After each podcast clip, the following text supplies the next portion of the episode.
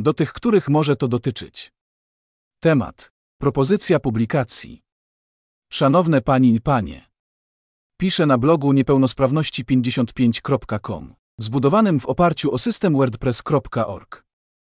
Blog porusza zagadnienia związane z osobami niepełnosprawnymi i jest blogiem wielojęzycznym w 67 językach. Uzbecki, ukraiński, urdu, azerski, albański, amharski, angielski, estoński, ormiański, bułgarski, bośniacki, birmański, białoruski, bengalski, baskijski, gruziński, niemiecki, włoski, indonezyjski, islandzki, duński, holenderski, węgierski, hindi, wietnamski, tadżycki, turecki, turkmeński, telegu, tamilski, grecki, jidysz, japoński, łotewski, litewski, mongolski, malajski, maltański, macedoński, norweski, nepalski, suahili, syngaleski, chiński, słoweński, słowacki, hiszpański, serbski, hebrajski, arabski, paszto, polski, portugalski, filipiński, fiński, perski, czeski, francuski,